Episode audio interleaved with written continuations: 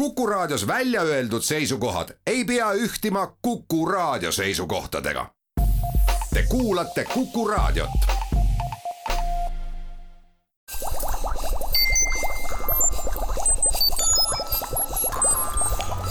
kukkuv õun head Kuku kuulajad, Kuku Õun eetris. täna olen külla kutsunud Tallinna Tehnikaülikooli Küberneetika Instituudi professori Jaan Kalda, mina olen saatejuht Marek Strandberg ja millest muust meil ikka rääkida, kui sel kuul välja antud Nobeli füüsikapreemiatest, mis siis juhtuski neljandal oktoobril. Alan Aspect, John Clauser ja Anton Zeilinger, esimene Prantsusmaalt, teine Ameerikast ja kolmas Austriast said Nobeli preemia füüsikas üsna omapäraste asjade eest ja peaasjalikult selle eest, et nad tõestasid, et Albert Einstein eksis. milles see eksimus seisnes Albert Einstein ta küll tegi ühte kui teist ka kvantmehaanikas, aga talle see ei meeldinud üldse, sellepärast et ta leidis, et see on, noh, ta kasutas inglise keeles sellist sõna nagu spooky, mida saab eesti keelde tõlkida ka mitmeti.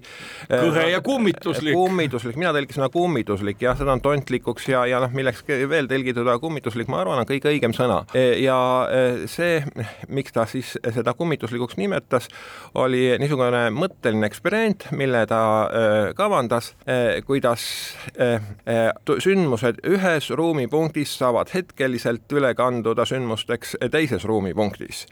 ja noh, kuivõrd ta oli ise enne teinud, loonud relatiivsusteooria, siis see selgelt niisugust asja keelas et eh, noh, sealt küll eh, niisugust otsest ja selget vastuolu nende kahe vahel eh, on, päris ei saa tuua, aga igatahes ta tundub kuidagi väga veider selles relatiivsusteooria valguses ja selle ta avaldas tuhande üheksasaja kolmekümne viiendal aastal koos siis Podolski ja Roseniga, seda tuntakse nii-öelda EPR ehk Einstein-Podolski-Roseni paradoksina.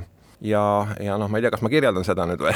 seda võib kirjeldada selles mõttes, et natukene Einsteinist ka selles kontekstis, sellepärast et ega ju, ega Einsteini esimene töö iseenesest oli ju tuhande üheksasaja viiendal aastal, kui ta demonstreeris fotoefekti ja oli ise ju oma mõttemaailmas ju paljuski kvantmehaanikale noh, alusepanijaks, kas nüüd isaks või mitte, aga igal juhul Einsteini töö äh, näitas seda, et ja. osakesed äh, neelavad ja kiirgavad energiat portsu kaupa, ehk sellest saigi nimetuse kvantmehaanika. ja, ja, ja kaks asja, üks on see, et sa oskad neid äh, kvantmehaanika postulaade kasutada ja neist tulemusi saada ja seda Einstein oskas. Aga teine on selle nagu sisemuslikult, olemuslikult omaks võtmine ja seal tekkisid tal tõrked ja tõrkedes, tõrgedes võib-olla on süüdi selline asi nagu äh, siis, äh, mida nimetatakse kvantmehaanika klassikaliseks ehk Kopenhaageni interpretatsiooniks, äh, mis toob sisse vaatleja mõiste. nimelt noh, füüsikateooriad üldiselt peavad olema objektiivsed. et noh, asjad ise toimuvad vastavalt võõranditele ja, ja seal nagu vaatleja rolli ei ole eriti aga selles Kopenhaageni interpretatsioonis eh, on eh, postulaadis sees on vaatleja, ta ütleb niimoodi, et noh, meil on lainefunktsioon, lainefunktsiooni põhjal eh, siis vastavalt, milline ta on, võivad toimuda, saada mõõtmisel ühe tulemuse või teise tulemuse ja see lainefunktsioon annab meile selle tõenäo-, tõenäosuse. see lainefunktsioon on nagu, ma just mõtlen, et millelaadne see on, et mitte küll pangaautomaat, aga nii-öelda kuskil kõrtsi nurgas olev olev sihuke uh, jukebox, et kus on palju plaate ja nupud ja kui sa neile vajutad, siis sa täpselt ei tea, mida sa saad mm., aga mingi muusika läheb mängima. no, kas lainefunktsioon on umbes samasugune asi, millega just, maailma kirjeldatakse? just, just, just, no või loterii on ka ja igasugused muud asjad on toimunud maailmas ka samamoodi aga seal on see punkt, vaadake, mõõtmine, toimub mõõtmine ja mõõtmisel saadakse üks või teine tulemus, aga kes mõõdab? Ja kus kohas see piir läheb, millal toimub mõõtmine millal ei toimu mõõtmine et siin lähevad asjad metsa füüsika pilgu, füüsiku pilgu jaoks.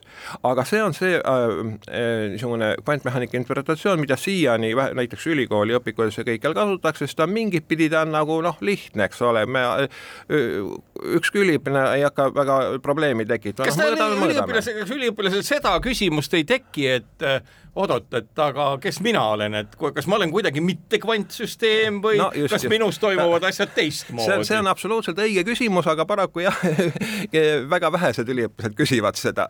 et, et noh, siin on vaja äh, jõuda sellele nii-öelda äh, sellele tasemele, et sa mõtled äh, kaasa, mitte ei vaata ahah, jah, jah, niimoodi see tõesti tuleb välja see nagu tegelikult seesama siis Kopenhaageni klassikaline integratsioon käib paljudele füüsikutele tegelikult noh, ei meeldi, aga noh, nii nagu armees on, eks ole, et mis siin mõelda, on vaja minna ja teha, eks no, ole. toona oli vist niimoodi, et kõik maailma kvantfüüsikud selle Kopenhaageni konverentsi ajal mahtusid enam-vähem ühe foto peale ära. täna on neid ikkagi kõvasti rohkem. Ja, ja, ja, ja see, see on, see on jah, nüüd on neid eh, tekkinud nii palju teaduslikku müragi, et sealt nende ivade ülesleidmine on päris raske eh,, sest kõik peavad publitseerima ju.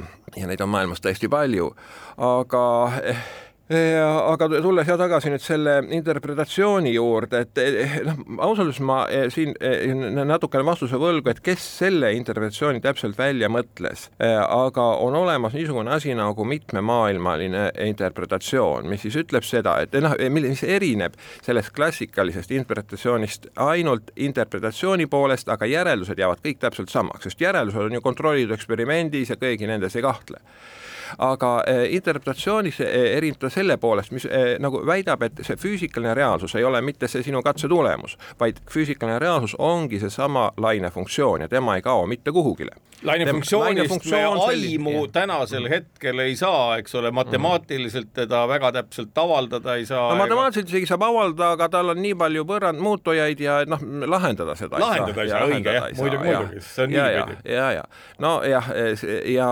ja, ja tema siis, see interpretatsioon ütleb, et laine, mis on reaalsus, on lainefunktsioon ja täpselt kõikide nende oma võimalustega, mis ta on. ja seetõttu kõik võimalused tegelikult realiseeruvad, mis seal lainefunktsioonis on. ja aga aga eh, mis juhtub, on see, et kuivõrd eh, nüüd Schrödingeri võrrand, mis seda lainefunktsiooni kirjeldavad, see on lineaarne võrrand mis tähendab seda, et selle lainefunktsiooni eh, lahendid on, nende vahel kehtib superpositsiooni printsiip, mis tähendab seda, et üks lineaarne lahend ei mõjuta absoluutselt teist. ja nüüd, kui need öeldakse, et toimub mõõtmise käigus, aga noh, mis on mõõtmine, see seletakse pärast hiljem ka ära, toimub maailmade lahknemine ehk siis eh, meil, eh, kui need alguses olid, lainefunktsioon oli selles mõttes koos, et kõik need, funktsioon oli selline, nagu ta oli meil algselt, eh, aga siis mõõtmise käigus meil tekivad erisused nende funktsiooni lineaarsete komponentide vahel ja ühes, üks haru vastab ühele väärtusele, teine vastab teisele väärtusele, mõlemad need võimalused realiseeruvad, aga vaatlejad lahknevad. ehk siis näiteks kui mina kui füüsik teen ühe katse, siis järgmisel hetkel on on minu, üks koopia minust ühes maailmas, ühe mõõtmistulemusega, teine koopia minust on teises maailmas, teise mõõtmistulemusega, aga äh, häda on selles, et me ei saa kunagi pärast seda oma tulemusi võrrelda. et, et noh, mina lihtsalt elangi siin maailmas, kus ma praegu olen, oma mõõtmistulemusega ja ei saa iialgi teada, et teises maailmas on teine, äh, teine füüsik te,, teine mina teise tulemusega. ega see ei puuduta ju ainult mitte nii-öelda füüsikalisi mõõtmisi, vaid see puudutab ju põhimõtteliselt ja. igasugust ringi liikumist, et et mõnes mõttes on ju mõõtmine ka see, kui keegi võtab võtab oma mobiiltelefoni ja teeb mingi plõksu. ja absoluutselt, et seal on tegelikult eh, küsimus ei ole mitte mõõtmises sellisel juhul, et maailmad ei lahkne mitte nüüd eh, tingimata mõõtmise käigus, vaid siis, kui toimuvad pöördumatud protsessid, kui toimub dissipatsioon. et igal hetkel, kui toimub dissipatsioon minimaalse kvandina, noh, üldiselt see minimaalne dissipatsiooni kvant, mis teeb asjad pöördumatuks, on see niinimetatud siis eh, Bol-, Boltzmanni faktor K korda, Boltzmanni konstant korda temperatuur. no see energia, mida omab näiteks üks üks molekul suurusjärgus, mida omab, omab üks gaasimolekul. kas see on ka põhjus, miks näiteks selliste masinate nagu kvantarvutite puhul, millega on ka palju jändamist, kus püütakse neid nii-öelda kvantbitte kuidagi hoida mm, -hmm. et nad arvutada saaksid selles samas superpositsioonilises suhtes, et neid hoitakse hästi külmas, et mitte ükski sooja, sooja impulsski ei saaks ligi nendele, nendele hoitud kvantidele. ja, ja täpselt nii, aga seal on siis veel tegelikult noh, sellel eh, interpretatsioonil on ka oma niisugune filosoofiline filosoofiline probleem juures, eks ole, et kui, kui meil on nüüd kaks teooriat, üks on see äh, klassikaline interpretatsioon ja teine on mitme maailma interpretatsioon ja nagu ma alguses ütlesin, tegelikult no oma järeldust, praktilisest järeldust on nad üks, täpselt üks ja sama. aga noh, öeldakse, et teooria omab mõtet ainult siis, kui ta äh, on kontrollitav ja, ja meil nagu esimese hooga tundub, et me väga ei saa mõelda välja niisugust noh, nagu Einstein mõtles, eks ole, mõttelised eksperimendid, äh, meil on siin raske sellist välja mõelda. aga tegelikult on võimalus ja võimalus on ongi täpselt seotud nende samade kvantarvutitega ja üldse noh, tehisintellektiga, et kui me suudame teha sellise kvantarvuti ühesõnaga, seal on niimoodi, et maailmad lahknevad siis, kui toimub dissipatsioon, on mis piisavalt suur, eks ole, see Boltzmanni tegur korda temperatuur ja eh, kui nad on korra lahknenud, nad enam liituda ei saa aga kui toimub dissipatsioon, mis on väiksem, siis on võimalik teatud tõenäosusega, et maailmad tulevad veel tagasi kokku. E, ja nüüd, kui on võimalik teha selline e, tehisintellekt, mis suudab e, teha, teha nagu tõlgendada sündmusi niivõrd energiaefektiivselt, et tal kulub ühe biti töötlemiseks energia samas suurusjärgus nagu see soojuskvant, KB Boltzmanni konstant korda temperatuur, siis saavad need maailmad pärast veel tagasi tulla. ja kui nüüd selline tehisintellekt teeb mõõtmise ja kulutab nii vähe seda, nii vähe energiat dissipeerub, et ta suudab pärast tagasi tulla, sama, üht, need, liituda need maailmad, siis peale seda on tal niisugune kahetine tunne, et just nagu oleks saanud ühe tulemuse, aga võib-olla hoopis teine tulemus. aga siinkohal teeme saatesse väikese vaheaja ja räägime sellest, mismoodi see kõik on seotud meie selle aasta füüsikanobelistidega edasi. kukkuv õun head Kuku kuulajad, Kuku Õun jätkub, jõudsime mitme maailma aruteludega koos stuudios oleva professor Jaan Kaldaga sinnamaani, et tehisintellekt võib äkki maailmu veel kuidagimoodi väänata, mis minule vaadates tundub seda, et ega füüsika vist kunagi otsas ei ole, isegi kvantfüüsika mitte, mis vahel on tundunud, et ongi täitsa valmis.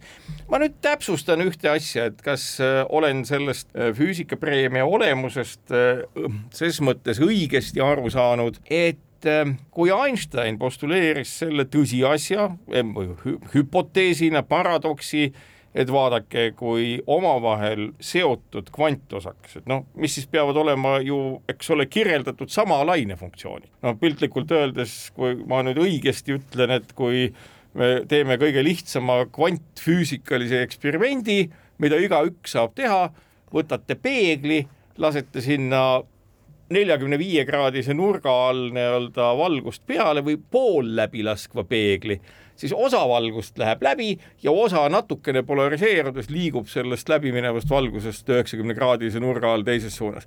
kas seal peegeldumise hetkel tekkiv nii-öelda see kvandi jagunemine noh, edasi liigub nagu ühe laine funktsioonina, mis seda nagu tekina katab, ükskõik kui kaugele need osakesed teineteisest jõuavad? No enam-vähem, aga ma arvan, võib-olla isegi natuke lihtsam on sellest aru saada, noh, tegelikult need eksperimendid, mis nüüd olid, need on täiesti tehtud footonitega, millest Nobel saadi.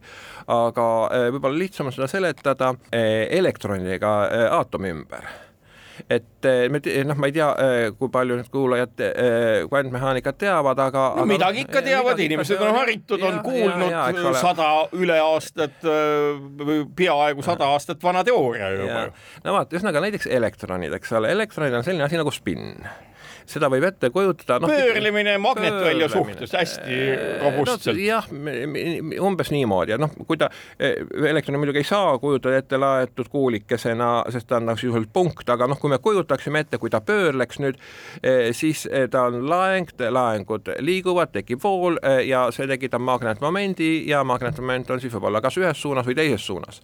aga nüüd kvantmehaanika ütleb, et tal võib olla ainult kaks väärtust, kas üles või alla. Aga kvantmehaanika ütleb veel, et Eh, kuivõrd elektron on nüüd pooltäisarvulise spinniga, siis tema on selline osake, mida eh, saab antud ühes olekus, kvantmehaanilises olekus olla täpselt ainult üks et eh, on meil Fermi osakesed ja Bose osakesed, näiteks footon on siis, tema spinn on täisarvuline, tema on Bose osake, teda saab olla ühes olekus kui palju tahes palju.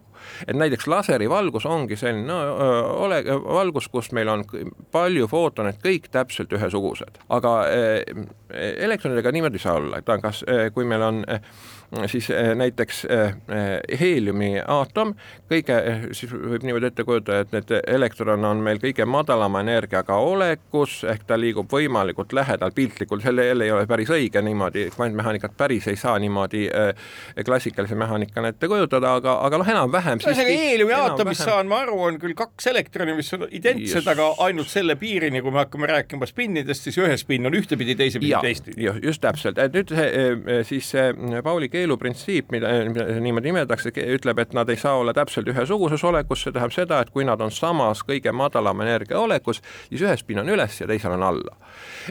ja mis tähendab nüüd seda, et kui me kujutame ette, et me võtame nendest kahest elektronist ühe ja eraldame ta sealt niimoodi, et ta olek, see spinni olek ei muutu. No seda tuleb teha ja. ilmselt väga ettevaatlikult, kuna ja, igasugune nii-öelda soojusmõju häirib teda. absoluutselt ja igasugune mõjutus häirib teda tuleb teha hästi ettevaatlikult, oletame, meil õnnestub ta eraldada niimoodi, et nad olid alguses koos, nad oli, välistasid üksteist, ühe, nad ei olnud täpselt samas olekus, seega ühe spinn oli üles, teisel oli alla ja nüüd me võtame ühe sealt ära. Kaugele me viime? No kui tahes kaugele, teise tähe peale näiteks no. mõttelise eksperimendiga on hea lihtne, see ei ole, seal ei ole meil mingeid piire, ainult füüsikaseadused on piiriks, mida me, mida me peame järgima. et füüsikaseadus ütleb, et valguse kiirusega me võime liikuda kuni valguskiirusega natuke alla selle, eks ole, lähme teise tähe peale, viime ta sinna ja nüüd on seal, aga teine jääb kas see tähendab seda, et ka siis nende, et äh, kuulajat äh, veel kord nagu harida lainefunktsiooni osas, et siis ka see lainefunktsioon on siis maalt kuni selle teise täheni?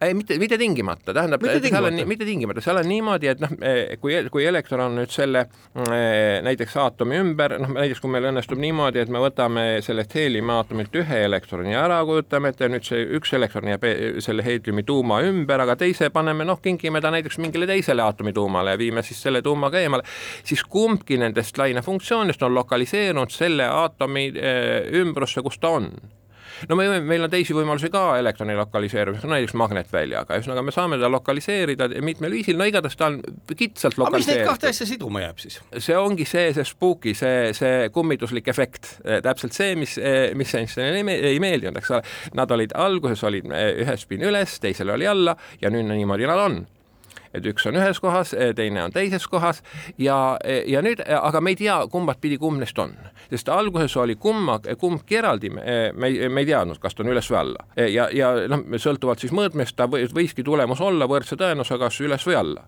Ja, ja nüüd, kui me viime selle ühe elektroni kaugele ära ja teine, mis meie juures on, sellega teeme nüüd katse ja mõõdame, mis pidi see, see elektri spin on ja nüüd see, kuni selle hetkeni, kuni me mõõtmise tegime, oli spin kas üles või alla nagu määramatu olek, meil oli see selline lainefunktsioon, kus see spinni suund oli määramata. Aga nüüd, kui me teeme mõõtmistulemuse, nüüd see, selle spinni suund öö, omandab väärtuse? jaa ja. ja juhtub teise asjaga, et me saame tegelikult teada, milline on see teine. just, sest kuivõrd need kaks elektroni, me seda, mida me teadsime kindlasti nende kohta, et nende olekud on üksteist välistavad, kui ühel on alla, siis teisel on üles ja vastupidi, siis kui me nüüd teame näiteks, et meie juures oleva elektroni spin on ülesse, siis täpselt samal ajal toimus ka muutus teise elektroni laine funktsiooniga. enne seda, kui meie siin mõõtmise teostasime, oli tema spin määramata, aga sel hetkel toimus eh, siis laine funktsiooni kollaps. no ma saan aru, närvidele käib käiski, et kuidas niimoodi. Ja, ja tegelikult ma kujutan ette, et kui ükskõik kes meist, et sina pigem rohkem kui mina, oleksime ka mingisuguse sellise meeletu relatiivsusteooria, mis paljusid asju kirjeldab, paika pannud, siis me oleksime tõenäoliselt väga veendunud, et see on täielik jama ja, ja see käib, käiks oleks mulle ka ja ma arvan, paljudele füüsikutele oleks see väga-väga närvidele käinud mis tähendab seda, et äh, lõppkokkuvõttes tuhande üheksasaja kolmekümne viiendal aastal, kui kvantmehaanika leiutamisest või loomisest oli kümmekond või natukene enam aastat vist möödas, äh, on kogu aeg see paradoks ja kogu see vaidlus olnud selline filosoofiline ja kellelgi ei ole olnud võimalust kontrollida. Mm, kas ja, see päriselt ja. ka nii on? Ja, ja paljud füüsikud tegelikult haakusid, no näiteks see võib-olla, mis on isegi rohkem nagu üldsusele teada, on Schrödingeri kassi paradoks, eks ole. just, just, seda ja, kasutatakse väga palju. ja e, no e, kõigepealt eh, inimesed jagavad koerainimesteks ja kassinimesteks ja kassinimesi on umbes pool, eks ole, nii et, et noh, vähemasti neile on see väga südamelähedane, aga, aga nad suudavad ilmselt mõjutada ka neid, seda teist poolt, eks ole. et Schrödinger tegelikult oma paradoksi nagu mõtleski välja vastuseks sellele Einstein-Podolsky-Roseni paradoksile, ehk et see on siis pärast kolmekümne viiendat aastat. edasiarendus seal samal kolmekümne viiendal ja et, et noh, seal on nagu ma ei tea, kes, kes nüüd veel ei ole kuulnud sellest kassi paradoksist, et siis seal on niisugune seadistus, et arendajal on sama probleem, mis on mõõtmine ja siis Schrödinger seda arendas niimoodi, et, et ähm, kujutame ette, et meil on kass ja teeme nüüd kassiga mõõtmise. no kass on, küll koosneb paljudest aatomist, aga ja molekulidest ja, aga seda saab ka vaadelda kui siis väga keerulist lainefunktsiooni tegelikult, mis omaette areneb. E, nii et noh, e, matemaatiliselt, kuigi nüüd praktilise arvutusena oleks seda raske kirja panna, aga lihtsalt abstraktselt matemaatiliselt me anname lihtsalt kirja, siin on, e, olgu meil kassi lainefunktsioon ja nüüd siis see kass pannakse teraskasti tihedalt suletakse sinna, noh, õhk ja kõik vajalik on olemas, aga sinna pannakse mürgiampull, noh, seal oli tegelikult kahe, Einsteini versioonis oli see püssirohu äh, pakk, aga äh, Schrödingeri versioonis oli see mürg, tsüaani, tsüaniidi äh, ampull. Ja siis pannakse sinna siis vist ele, mingi radioaktiivse lagunemise, lagunemise, lagun, lagunemise detektor jah, ja siis see detektor võimendab selle lagunemise, kui lagunemine toimub, siis to, nagu võimendatakse üles ja ja see käivitab äh, äh, mehhanismi, mis lööb selle mürgampulli katki. Ja nüüd äh, siis kvantmehaanika selle klassikalise interpretatsiooni järgi toimub meil mõõtmine siis, kui me selle kasti kaane avame ja sel hetkel toimub, enne seda on meil siis kass kahes olekus, kahe oleku superpositsioon, elav kass ja surnud kass ja nüüd, kui me selle kaane avame, toimub mõõtmine, sel hetkel toimub kassi eh, lainefunktsiooni kollaps ja me näeme, kas kass on eh, elus või surnud. no mis on selges vastuolus terve mõistusega, eks ole, et, et, et loomulikult pidi kass eh, teadma seda, kas see ampull läks katki või ei juba ammu enne seda, kui me kaane avame ja noh, kui nüüd, kuidas on siis seletus selle mitme maailma interpretatsiooni järgi on niimoodi, et tegelikult maailmade lahknemine toimus sel hetkel, kui see elementaarosake seal või see lagunemine toimus. Ja nüüd enne seda oli see füüsik, kes seda katset tegi, äh, toi-, sel hetkel toimus maailmade lahknemine, üks maailm läks äh, sellisena, äh, kus on kass elus ja füüsik ei tea veel tulemust ja teine maailm on selline, kus on kass surnud ja füüsik ei tea tulemust. Ja nüüd, kui ka, eks, eks füüsik avab selle kaane, siis ta saab teada, kummas maailmas ta on. aga siinkohal teeme väikse pausi ja jätkame kassilugu pärast vaheaega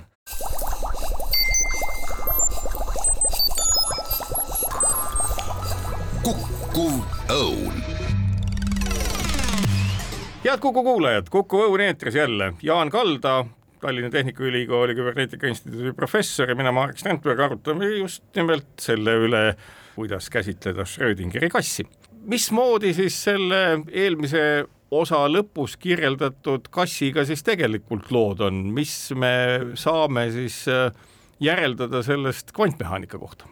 uhuu, ühesõnaga me jõudsime sinnamaale, et, et see mitme maailma tõlgendus annab meile siis natukene nagu sel-, rahuldavama tunde, kõhutunde selle kohta, et kvantmehaanika ikkagi võib kokku viia meie intuitsiooniga ka mingil määral aga see ongi, kas see on, ma lihtsalt küsin kõrvale juurde, et tegelikult ju on igasuguseid äh, kontseptsioone maailmas olnud, mis on alguses olnud üsna raskelt mõistetavad, noh, ükskõik mis, et eh, me teame ju isegi klassikalisest füüsikast noh, sellist nii-öelda kogemust, et no kuidas kõik asjad kukuvad sama kiirendusega maa keskpunkti poole, no me teame ju, et kerge asi kukub aeglasemalt ja nii edasi. ehk et eh, kogu füüsika ajalugu ja kogu loodusteaduste ajalugu on olnud see, kus tavaarusaamu on eh, täpsemate mõõtmiste, selgituste ja teooriatega muudetud, kas nüüd me võime öelda, et sada aastat pärast kvantmehaanika tekkimist hakkab ka kvantmehaanikast saama?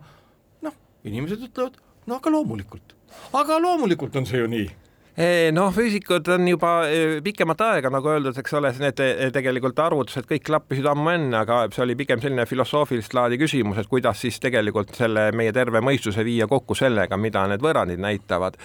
Et, et, selles mõttes loomulikult jah, füüsikud on nagu retseptiraamatuna harjunud seda kvantmehaanikat juba ammu-ammu kasutama, aga need katsed, mis nüüd siis, katsed, mille eest Nobeli preemia anti, need andsid meie hingele ka rahu, et tegelikult, tegelikult ongi ikkagi päris nii, nagu me kogu aeg arvasime, et on. aga ega see ei olnud ka nii lihtne selles mõttes, et ega ju nii Aspect, Klauser kui ka Zeilinger, nad ju iseenesest läksid uurima ühe teise inimese, Belli poolt öö, sõnastatud noh, nii-öelda väljapääsuteed sellest Einstein-Podolski-Roseni paradoksist. just, et tegelikult jah, see tänase Nobeli preemia äh, ajalugu on päris pikk, et nagu öeldud, algas kolmekümne viiendast aastast juba ja eh, kui neid inimesi oleks rohkem elus, küllap siis oleks eh, preemia saajate nimeri ka praegu ka Nobeli pikem ja saab ainult elus mhm, inimene. ja, ja Einstein ise siis pakkus välja alternatiivi ühe, kuidas saaks siis ka natukene võib-olla seda igapäevast tervet mõistust rohkem kokku viia nende selle kvantmehaanikaga, mis tugines niinimetatud sisemuutujatele, et oletada, et näiteks, näiteks elektronidel on seal mingid sise sisemuutujad, eh, no näiteks nagu need kaks elektroni, mis enne olid koos, nad kuidagi leppisid kokku oma sisemuutujate abil, see mingi infosalvestus seal, et mida nad nüüd selles katses ette võtavad, kui tehakse nendega katse, et kuhu poole nad oma spinni näitavad.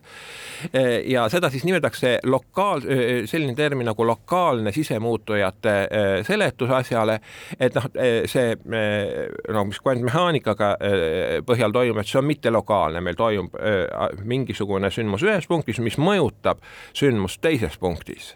sa hetkeliselt, ta on selles mõttes mitte lokaalne, et ta eh, eh, see võib-olla lokaalsuse mõiste vajab natukene seletamist. see on mida... üsna arusaadav iseenesest, et ma just mõtlen seda, et eh, tõenäoliselt on ju ka seda lokaalsusprintsiipi, nagu sa ütled, et mhm. elektroni mingit mhm. sisemist salvestamisfunktsiooni püütud ju ilmselt arvukatel kiirenditel kindlaks teha, kas elektroni sees on midagi või ei ole või panen ma praegu täiesti metsa? noh, ilmselt väga metsa ei pane, aga igatahes midagi sealt seest leitud ei ole. just. jah, et, et lokaalsus, jah, no lokaalsuse probleem on olnud tegelikult füüsikas juba pikemat aega, noh näiteks eh, kõik need elektromagnetvastasmõju kunagi, eks ole, et küsimus, kas kaks laengut, eh, mis on teatud vahemaa eh, peal, mõjutavad üksteist kuidagi maagiliselt läbi ruumi distantsilt või on siis nad kuidagiviisi kontaktis.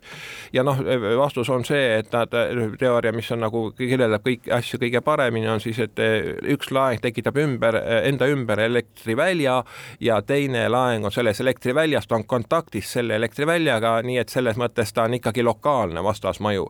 et mis laengule mõjub, ei ole mitte teine laeng, vaid teise laengu elektriväli, mis on täpselt samas punktis, kus on laeng. aga, ja selles mõttes selle mm, kvantmehaanika asi on mittelokaalne, et sündmus ühes ruumipunktis mõjutab hetkeliselt kaugel teises punktis äh, toimuvat. kuidas Bell oma selle teoreemi siis sõnastas, et äh, selle vastust otsima rutasid päris mitmed füüsikud üle maailma no eh, nüüd seda teoreemi niimoodi päris matemaatiliselt siin kirjeldama hakata, ma arvan, läheb natuke liiga keeruliseks, aga, aga eks me põleksime siin kõik läbi ja just, läheks just, ikka just. vist mitu tundi. karta on ja ma peaksin ise ka natuke rohkem ette valmistuma selleks, aga eh,, aga eh, igatahes noh, jämedas laastus on see niimoodi, et ta siis kavandas sellist eksperimenti seeriat, me võtame mitu korda neid, seda, neid paardunud asju, mis on nagu siis üksteist, kas footonid või elektronid, mis on üksteist üksteist välistavates olekutes ja teeme mõõtmisi ühega ja teisega ja siis vaatame, kuidas need tulemused on korreleeritud. Et noh, kui palju toimub ühtepidi ja kui palju toimub teistpidi ja siis ta konstrueeris ühe võrratuse, et kui see võrratus on nüüd rahuldatud vastavalt selle korrelatsioonitegurile, mis sealt tuleb, et kui see võrratus on rahuldatud, siis see välistab eh, sisemuutujate teooria, lokaalse sisemuutujate teooria, mis tähendab seda, et see mittelokaalne kvantmehaanika eh, peab olema õige, kui see sisemuutujate teooria on välistatud võrratuse osas ütleme kuulajatele, et teate, see on see võrrand, kus äh, ei ole võrdub, vaid on suurem või väiksem. just. täpselt, siis on nagu inimesed ka oma matemaatika-teadmistega selles jutus kaasas. ja kuidas siis katsetamiseks läks ja millal? Belli teoreem kohe, kui tuli, asuti siis masinaid ehitama. Bell eh, formuleeris enda teoreemi kusagil seal kuuekümnendatel, see on siis juba üks eh, parasjagu peale seda Einsteini, et see oli siis temal ka, jäi kripeldama niimoodi ja, ja noh, siin need mõttelised eksperimendid on mitu korda läbi käinud, et tegelikult füüsikas eduka mõttelise eksperimendi kavandamine juba ise võib olla mõnikord väga suur väärtus omaette. ja äh, aga siis see, sinna ta jäi, aga mitte väga kaua kauaks, sest et juba see oli kuuskümmend üheksa, siis kui avaldati siis praeguse ühe nobelisti Klauseri kaasautorluses äh, artikkel ajakirjas Physical Review Letters äh,, kus ta kavandas äh, selle eh, eh, nii noh, realistlikult, ühesõnaga selle Belli eksperiment oli puhtalt niimoodi teoreetiliselt, kui me teeme, mõõdame siin ja mõõdame seal ja siis saame korrelatsioonitegur ja saame võrrad, kontrollime võrradust, et siis me saame kontrollida. aga tema siis kavandas juba realistlikku, noh, mida on, oli siis olemasolevate vahenditega võimalik tegelikult ka läbi viia, eks ole, noh, kui me rääkisime, mõtlen eksperiment viie teise tähe peale, seda ei ole ju võimalik tegelikult ka teha. aga tema kavandas sellise eksperimendi, mida on võimalik, oli võimalik toonaste vahendiga tegelikult ka teha aastal kuuskümmend üheksa ja see on ka tema kõige tsiteeritum artikkel tegelikult. aga see oli vist kolm aastat hiljem, kui tal ilmus juba järgmine artikkel, kus ta oli selle katse ka läbi viinud ja sa leidnud, et tõepoolest, tõesti, tõesti, see võrrandus on rahuldatud ja järelikult see välistab Eh, lokaalse sisemuute teooriad. Alan Aspekti roll oli siis, ma saan aru, selles, et eh, ta kahtles ikka veel ja no, siis ta, siis ta tekitas ühe asja, et ta püüdis kogu aeg eksperimenti ümber ehitada mm -hmm. ja iga järgmise eksperimendi teha üldse teistsuguse ülesehitusega, et vaadata, kas looduses ikka on mingisugune salajane side asjade vahel just, just, eh, seal on niimoodi, noh, üldiselt keskmine füüsik seda ei oleks teinud, ma arvan. sest füüsikud on üldiselt, kui nad on mingi vastuse saanud, mis on peaaegu kindlalt tõene, siis ta seal lõpetab. aga sealt edasi lähevad matemaatikud, kes tahavad asja väga rangelt saada kätte. Aspekt oli matemaatik?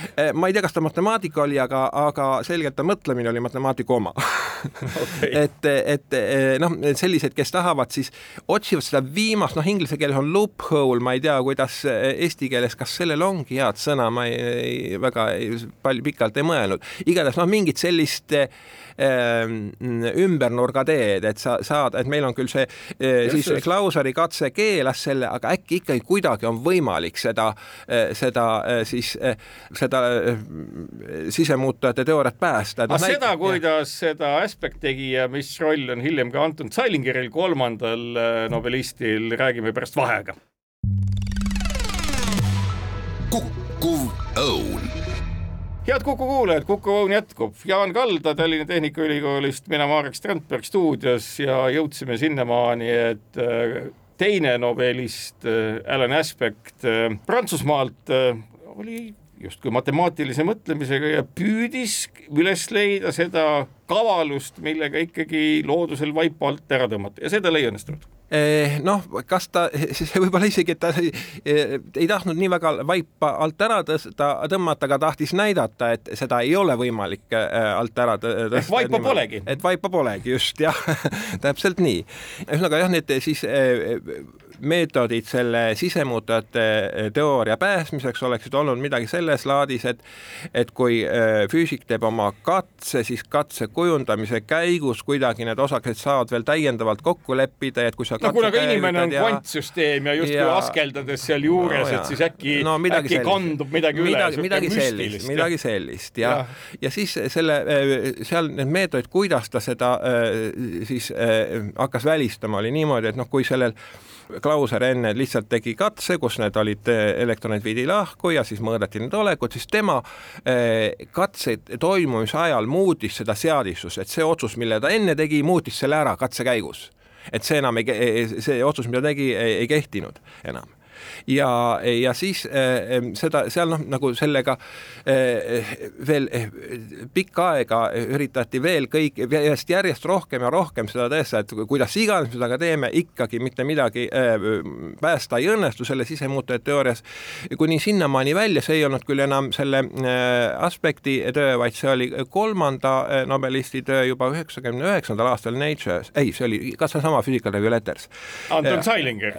ja Zeilinger jah temaga, et ta oli seal viimane autor selles nimekirjas, nii et ilmselt siis selle kollektiivi juht või ja kavandas tegis, teostas sellise eksperimendi, kus selle otsuse siis, millist katse, millises seaduses seda katset läbi viia, noh, Belli katse võrrandus nõuab, et me viime terve seeria katseid erinevate nende seadistustega läbi, et millise seadistusega seda läbi viia, selle, seda otsust ei võta vastu mitte füüsik, kes seda teeb, vaid see otsuse tegemine antakse juhuslikule allikale hoopis väljaspool ja hoopis ammu enne meie praegust aega.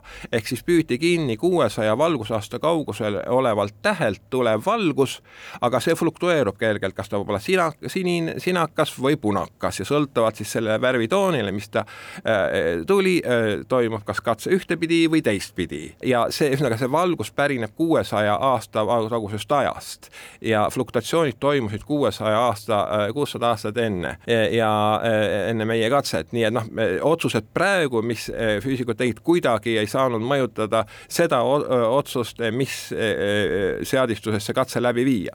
et see nagu siis tõmbas päris lõplikult selle sellele kriipsu peale, sellele sisemuutujate teooriale. ja see ongi tegelikult nende kolme mehe ja nende kaastöötajate peamine roll, et mm -hmm. üsna pika aja jooksul, et noh, me võtame yeah. ikkagi pool sajandit praktiliselt mhm. jännatud ühe noh, ütleme niimoodi, et mõnes mõttes tagantjärgi vaadates ühe niisuguse joriseva füüsiku kontseptsioonide tõttu, kuna ta oli väga lugupeetud just, inimene ja oli väga targa asja välja mõelnud yeah., siis kõik, mis ta nagu ütles hiljem noh, peeti ka just nagu tõeks. ja siis sellega vaieldi, selle on kuidagi isegi nimetatud, et vot kui inimesele antakse Nobeli preemia, siis ta hakkab põdema teatavat haigust mida kutsutakse nobeliidiks.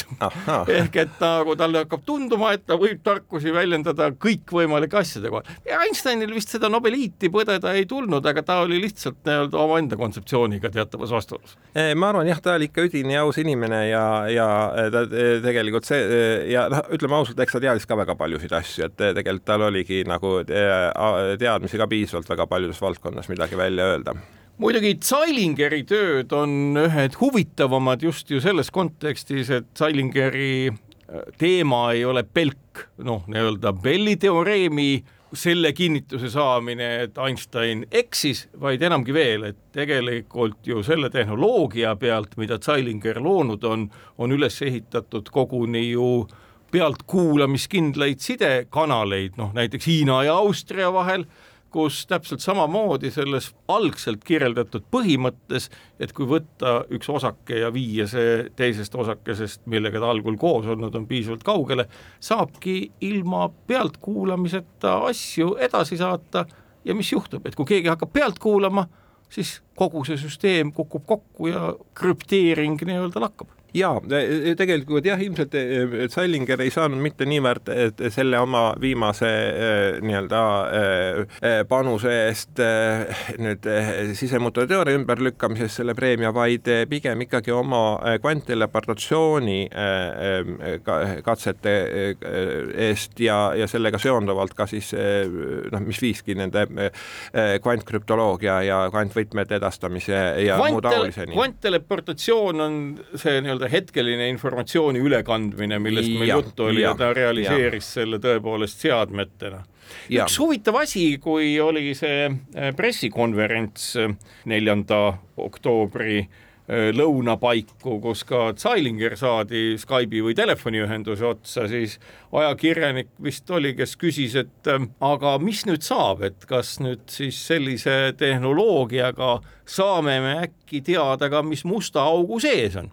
Salinger vastas selle peale, et mina ei tea mustadest aukudest väga palju, ma ei ole asjatundja, aga üks asi, mis ta ütles, on see, et ma ei usu, et informatsioon saab ära kaduda isegi musta auku. milline sinu arvamus on no ma võin vastata enam-vähem samamoodi kui Seilinger, et ma ei ole mustade aukude teooriatega väga kursis aga ehm, eh, see musta eh, augu eh, informatsioon ja, ja taolised asjad, need on niisugused väga filosoofilised asjad. veel filosoofilised, nii. ja millest on väga palju räägitud, kuidas mingites nendes sellistes kosmoloogilistes kosmoloogilistes ringkondades, kuidas informatsioon, kuidas toimub informatsiooni töötlemine universumi lõpus ja kuidas seal noh, ühesõnaga mitmesugused filosoofilised teooriad on sellega seotud, väga fantastilised teooriad seejuures, ma arvan, et ma ei hakkaks nendesse praegu väga minema aga.... aga ma saan aru, et need kõik on olemas ja alati, kui keegi midagi jälle tähele paneb, siis on õnneks olemas füüsikalise ja matemaatilise mõttega inimesed, kes asuvad nende mõtetega mängima. Ja, ja, ja füüsikutel fantaasiat juba jätkub, nii et muretseda ei maksa. Kas võib oletada, et äh, mingi, ma ei tea, kümne, kahekümne, võib-olla viiekümne aasta pärast paljud asjad, mida me siin nagu lihtsalt fantaseerime, küll mitme maailma teooriad ja muud asjad, et selgubki, et nii ongi. Ja keegi, kes on olnud järjekindel ja püsiv, on ehitanud mingi masina, kust me jälle näeme maailma hoopis teistmoodi küllap see nii on, et eh, eriti praegusel hetkel on tegelikult väga raske ennustada eh, seal juba paarikümne aasta taha, et seesama tehisintellekti areng ja noh, seda on väga raske, väga raske praeguse seisuga tõesti prognoosida. et mis sealt noh, võib-olla mingi viis-kümme aastat me suudame veel, aga kaks-kolmkümmend aastat edasi ma ei võtaks küll seda ette. kas tehisintellekt tähendab umbes midagi samasugust tuleviku mõttes, eriti kontekstis, kus me kujutame ette, et on näiteks tekitatud ühendatud, töötav ja soojuse tõttu mitte laiali lagunev kvantarvutussüsteem, mis pikalt püsib, et meie jaoks mingil hetkel maailma tõlgendamine muutubki selliseks, nagu me täna läheme kohvimasina juurde, mis kusagil kööginurgas on, vajutame nuppu, saame sealt midagi, teadmata, kuidas see tehtud on, aga usaldame seda joomisel, et samamoodi, et meile teatud informatsiooni ja andmete töötlemine on meie ajule kättesaamatu, aga me usaldame tehisintellekti ja tehisintellekt ütleb inimesele no,. usu, et need asjad on nii. nojah, me peame lootma, et see tehisintellekt on piisavalt heatahtlik, et ta meile seda ütleb siis no ta saab olla täpselt nii heatahtlik, kui me ta mõnes mõttes ju kavandanud no, oleme. jah, aga kui ta mingil hetkel muutub liiga sõltumatuks, siis ta võib-olla ise küll teeb, uurib järgi, aga meile ei ütle aitäh, Jaan Kalda. loodame ikka, et tehisintellektid on meie suhtes sõbralikud ja räägivad meiega. sellega on Kuku Õuna saade läbi, loodetavalt saite aimdust, mille eest ja miks on selle aasta Nobeli füüsikapreemia antud, see on tõepoolest pöördeline arusaam ja kuulake meid jälle täpselt nädala pärast ja kaunist päeva teile.